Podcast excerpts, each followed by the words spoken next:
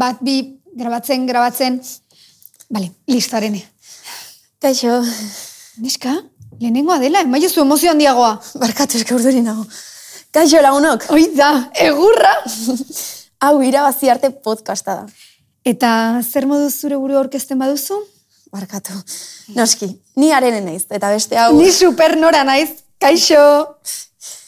leharo instiko ikaslea gea. Eta futbolariak. Bai, bai, nora bai.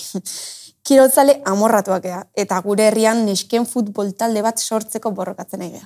Eta podcast honetan munduko emakume kirolari honenak elkarrizketatuko ditugu.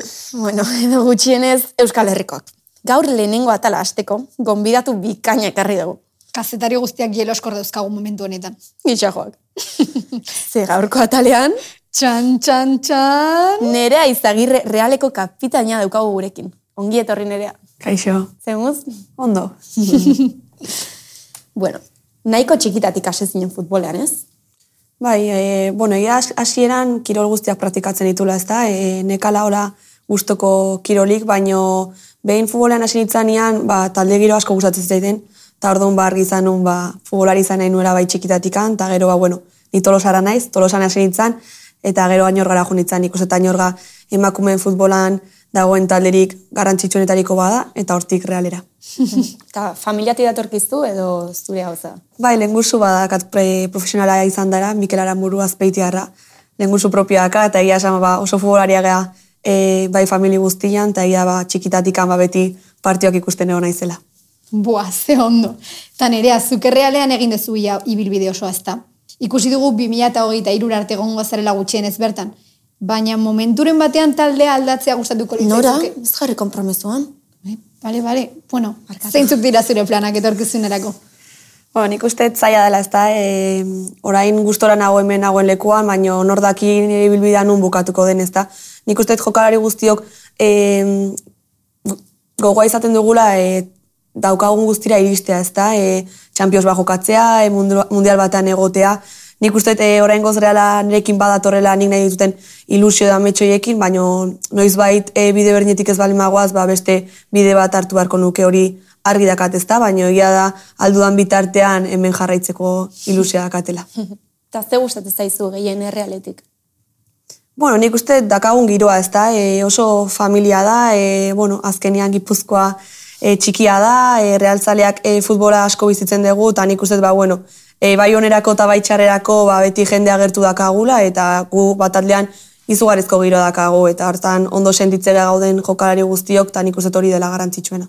Eta errealeaz gain gainera Espainiako selekzioan ibilizea. Nola izan da hori? Bueno, ez da, e, hasieran en- ez duzu sinisten, egia da, ba, lehen urtean aukera izan nula absolutarekin debutatzeko, bueno, gaztea naiz eta ez nun espero, baina egia da, bueno, taldean lan hona egiten badezu gero selezera juteko aukera izaten dezula, eta hori disfrutatzea kazu ez da, azkenean selezorekin bai mundial edo europeoa jokatzeko aukerak izaten dituzu, eta nik uste ba, jokalari batentzako ba, mundu mailan ibiltzea ba, garrantzitsua da. Hori pasada bat izango litzatekearen. Imaginatzen duzu gubio jokalari honenekin entrenatzea eta jokatzea. Puf, oindik lana daukau, eh? Ni nervioa jota gongo litzateke. Ba, imaginatu ni. Eta zu, ez zinen urduri jartzen lehen aldiz jokatu zenuenean. Bueno, egia da, e, hasieran ba, nervio punto hori baituzula, ez da, baino askotan galetzen didate nio nahiko lasaia naiz, eta egia da, ba, e, zelaira atera baino lehenagoko momentu bai igual urduri jartzen naizela pixkatxo bat, baino bestela orokorrean ez, nik uste e, partida asko jokatzen ditugula urtean zehar, eta garrantzitsuena da ba, partida horietan zentratu, eta bueno, kanpokoa edo nervio horiek alde batera utzi. Bueno, ba, podcastetan pentsatu dugu guk asko hitz egiten dugula. Eta batzutan abestiak jartzea ondo gongo litzatekela. ba bai, orduan jarri dezagun podcasteko lehenengo abestiarene. Kanta berezi nahi nuen, lagunekin dantzatzeko modukoa. Beraz, nire aukera zeinen ederra izango den. Arene, baina badakizu noiz sortu zen. Bai, eta? Konfinamenduan eta garai hartan dantza gutxi. Josos, baina dantzatzeko espiritua badauka. Zuk jarri abestia. Bale, bale. Garagardo bat zerura eroritakoen omenez Herri txikietako festetan Esnatuko bagina biak Dantzatuko genuke plazetan sekula santan ez bezala Eta kantu bakoitzean Utziko genuk ez tarria. Azkenengoa bailitzan Edota denetan lehenengoa Gu zorionekoak Gordetako ametxen kutsa irekiak Zeinen ederra izango den Eguzkizpiak zure itzala belarretan marrazten Usu bat larrunen Garagardo bat zerura eroritako enomenez Buah, kristona bestia da hauaren. Esan dizut. Eta nerea, zuri musika entzutea gustatzen zaizu? Bai, egia ez dela asko entzuten, baino bai momentu berezitan, ba, partio aurretikan, bestuarioan da musika entzuten dugu. Eta azte musika mota entzutezu. Bueno, normal, normalian regetoia. E, egia da bereziki dakagula besti bat, en, ez dakitzu jakingo ez zuen, mutiek e, kopa jokatu zuenean, Sevillan, guk neskaukin genuen flamenko, raleko dinoko flamenko batekin, ba hori entzuten dugu normalean e, zelaira iritsi aurretikan autobusean ez da, eta egia da, bueno, ba, zera politxa izaten dela, ze kanpotar asko ditugu taldean, eta abestia ikasten dute, ba, momentu hortan ba, kantatu alizateko. Ze bolita. Bida, nire aitak beti esaten dit, naiz eta futbolan jokatu, ikasketekin jarraitu behar detela. Zuri berdina pasa zaizu, edo ondo iritzi zaizu. Bueno, nik beti, jaka, oza, beti jarraitu zadet ikasketekin eta egia da gaur egun ere ikasten jarraitzen detela. E, azkenian, e, futbol profesionalen ibilbidean motza da, e, amar urte jokatzen ditugulako futbolean gutxi gora bera, eta gero dakizu ze, ze pasa daiteken ez da. Gaur egun ez gara futbolaz bizi, egia da, ba, bueno, pausa hondiak eman direla eta hemendikan urte batzutara ba, batzuk seguraski hor- futbolaz bizitzeko aukera izango dutela, baina gaur egun oraindik ez, ezta? Eta nik uste dut ikastea garrantzitsua dela, behin futbola utzita gero, ba, hor zerbait egoteko. Egia da, lasaitasun bat ematen dizula, ezta? E, gazteok saiatzen ga lau bost urtetan karrera teatzen, zu futbolari almazadea, almazea behin futbolan jokatuta ba ez dakazu presa hori, baino ateratzea garrantzitsua izaten da. Eta lehen hezkuntza ikasten naizea. Bai, egia da, bueno, e, aurten bukatzu behar detela karrera berez, baino oraindik asignatura batzu falta zaizkit, egia da, bueno, bastante ondo dara, dara matela, baino egia da goizetan ez dutela unibertsitatea jun, ze goizetan entrenatzen degulako, baino, bueno, aldan moduan eraman eta aldanean ba atera. Pixkanaka. Eta ez zaizu zai iruditzen ikasketak eta futbola uztartzea? Bueno, nik uste mentalidad aldatzen dela, ez da, e, behin profesionala gehala, goizean entrenatzea jun, bertan bazkaltzen deu, eta orduan, bueno, bazure dinamika aldatu iten da, orduan nik uste beste modu bat ikusten dezula, sieran saiatzen zea deneta iristen, baino kontuatzen zea imposiblea dela, e, saiatu hartzea, bueno, denbora dakazunan egiten, eta egal, zure ikasleek baino rimbo bat bera gujun barra dakazu, ez da, e, hortaz, behin jabetu eta gero, ba, nik uste gauzak erixago hartzen dira, baino hasieran kosta, kosta egiten da. Eta zuri gustatuko litzaizuke etorkizun batean bakarrik futbolera dedikatzea? Ez dakit nun bukatuko eten, ez da, egia da, behin futbola utzita irakasle izatea gustatuko litzaiakela, e, aurrak oso gustoko ditutelako, eta, bueno, ba, praktiketan ibili naizelako, eta benetan gustatzen zaitelako. Baina ez dakit, ez da, egia da, bueno, behin futbolen munduan sartuta e, beti azkazula ibilbide, bueno, hor bukatzen dezula, eta errestasun horiek ba, futbolean jarraitzeko, ez da. Egia da, bueno, futbolak asko maten dula, eta, bueno, hor jarraitza bali madakat, pues, gustora naizela. Bueno, gaztea zegoindik, que... Begira, emakumeen futbola profesionalizatzen nahi da pixkanaka, ez? Esan dezu moduan. Eta gero eta jarraitzaile gehiago ditu, gu bezala.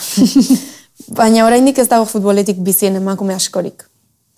Zuk uste ez du denbora asko behar dela hortarako?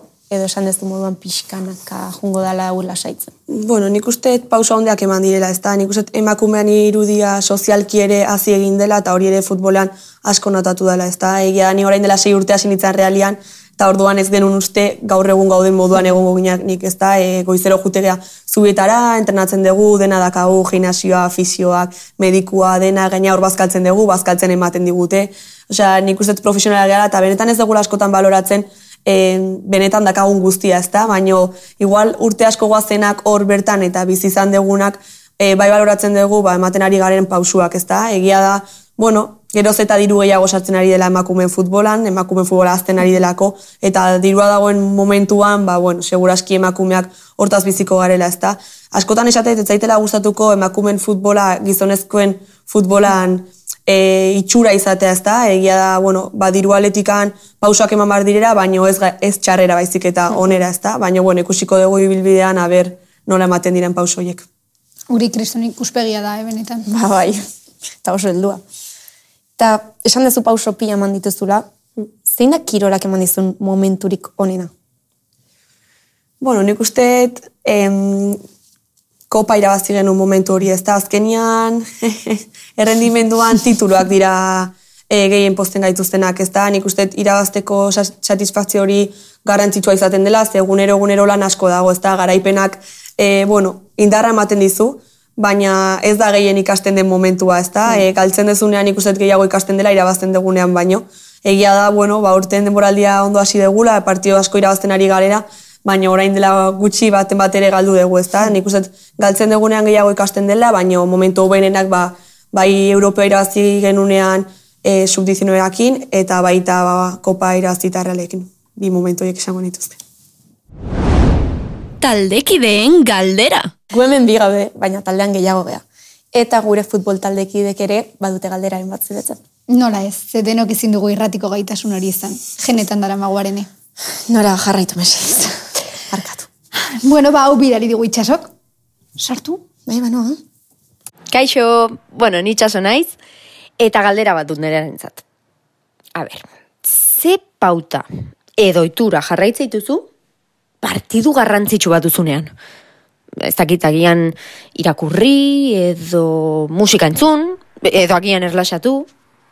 Ez ez dakat ritualik, egia esan, bueno, e, etxetik atenatzen izenean, ba, normalean taldekiden batekin juten gara elkarrekin kotxean, eta behin e, zelaira iristean, ba, bueno, bai zelaia ikusi ze goratan dago, ba, bueno, botak aukeratu behar ditugula, o, guztiago balima da aluminezkoak, bestela gomazkoak, eta behin bestuaria sartu ezkero, egia da bete egiten duten gauza dela, behin entrenatzaileak alineazio eman da gero, gurasoi idazten diet, bai jokatzen deten edo bai ez, beraiek jakin dezaten, eta gero ja mubi utzi eta bueno, ba jantzi, e, estrategia ikusi, nik uste e, saiatzen naizela konzentratzen, baina egia da ez dakatela ritualik, e, errez konzentratzen naizen jokalari ba naizelako, eta ez da nervioak oso altu izaten dituden jokalari ba naizelako, ordon, ba bueno, nik uste errez, errez lortzen detela hori. Jo, Ze ondo. Bueno, ez jarriko dugu beste besti bat. Venga, bale, baina orain nire txanda da, eh? Chill mafiaren abesti bat aukeratu dutarene. Ba, beraiena da gure podcasteko abestia ere. Bai, bai, baina hori dugu jarriko berriro ez izan astunarene. Sos, bale. Beste bat aukeratu dut. Kantoren izenburua zure kebapa da. Perfumea palikene hitza Behi garbi